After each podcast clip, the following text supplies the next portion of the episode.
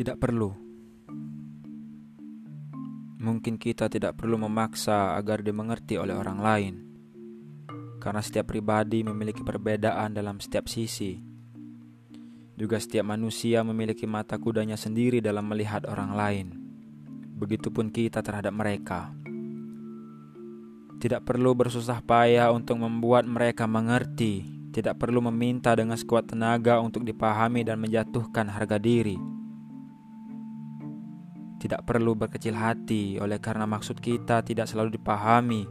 Juga jangan pernah kecewa dengan orang-orang yang berpura-pura mengerti, sekedar hanya ingin menunjukkan bahwa mereka punya rasa simpati.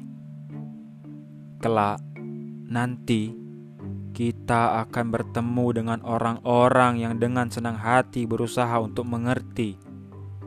Meski kadang sepenuhnya tidak mengerti, tapi mereka akan selalu berusaha dan berupaya untuk memahami.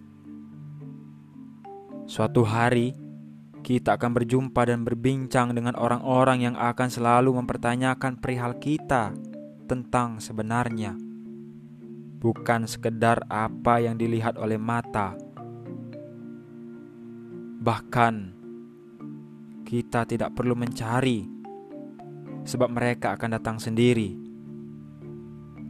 Maka berhentilah meminta agar dimengerti, dan berjalanlah dengan penuh harga diri.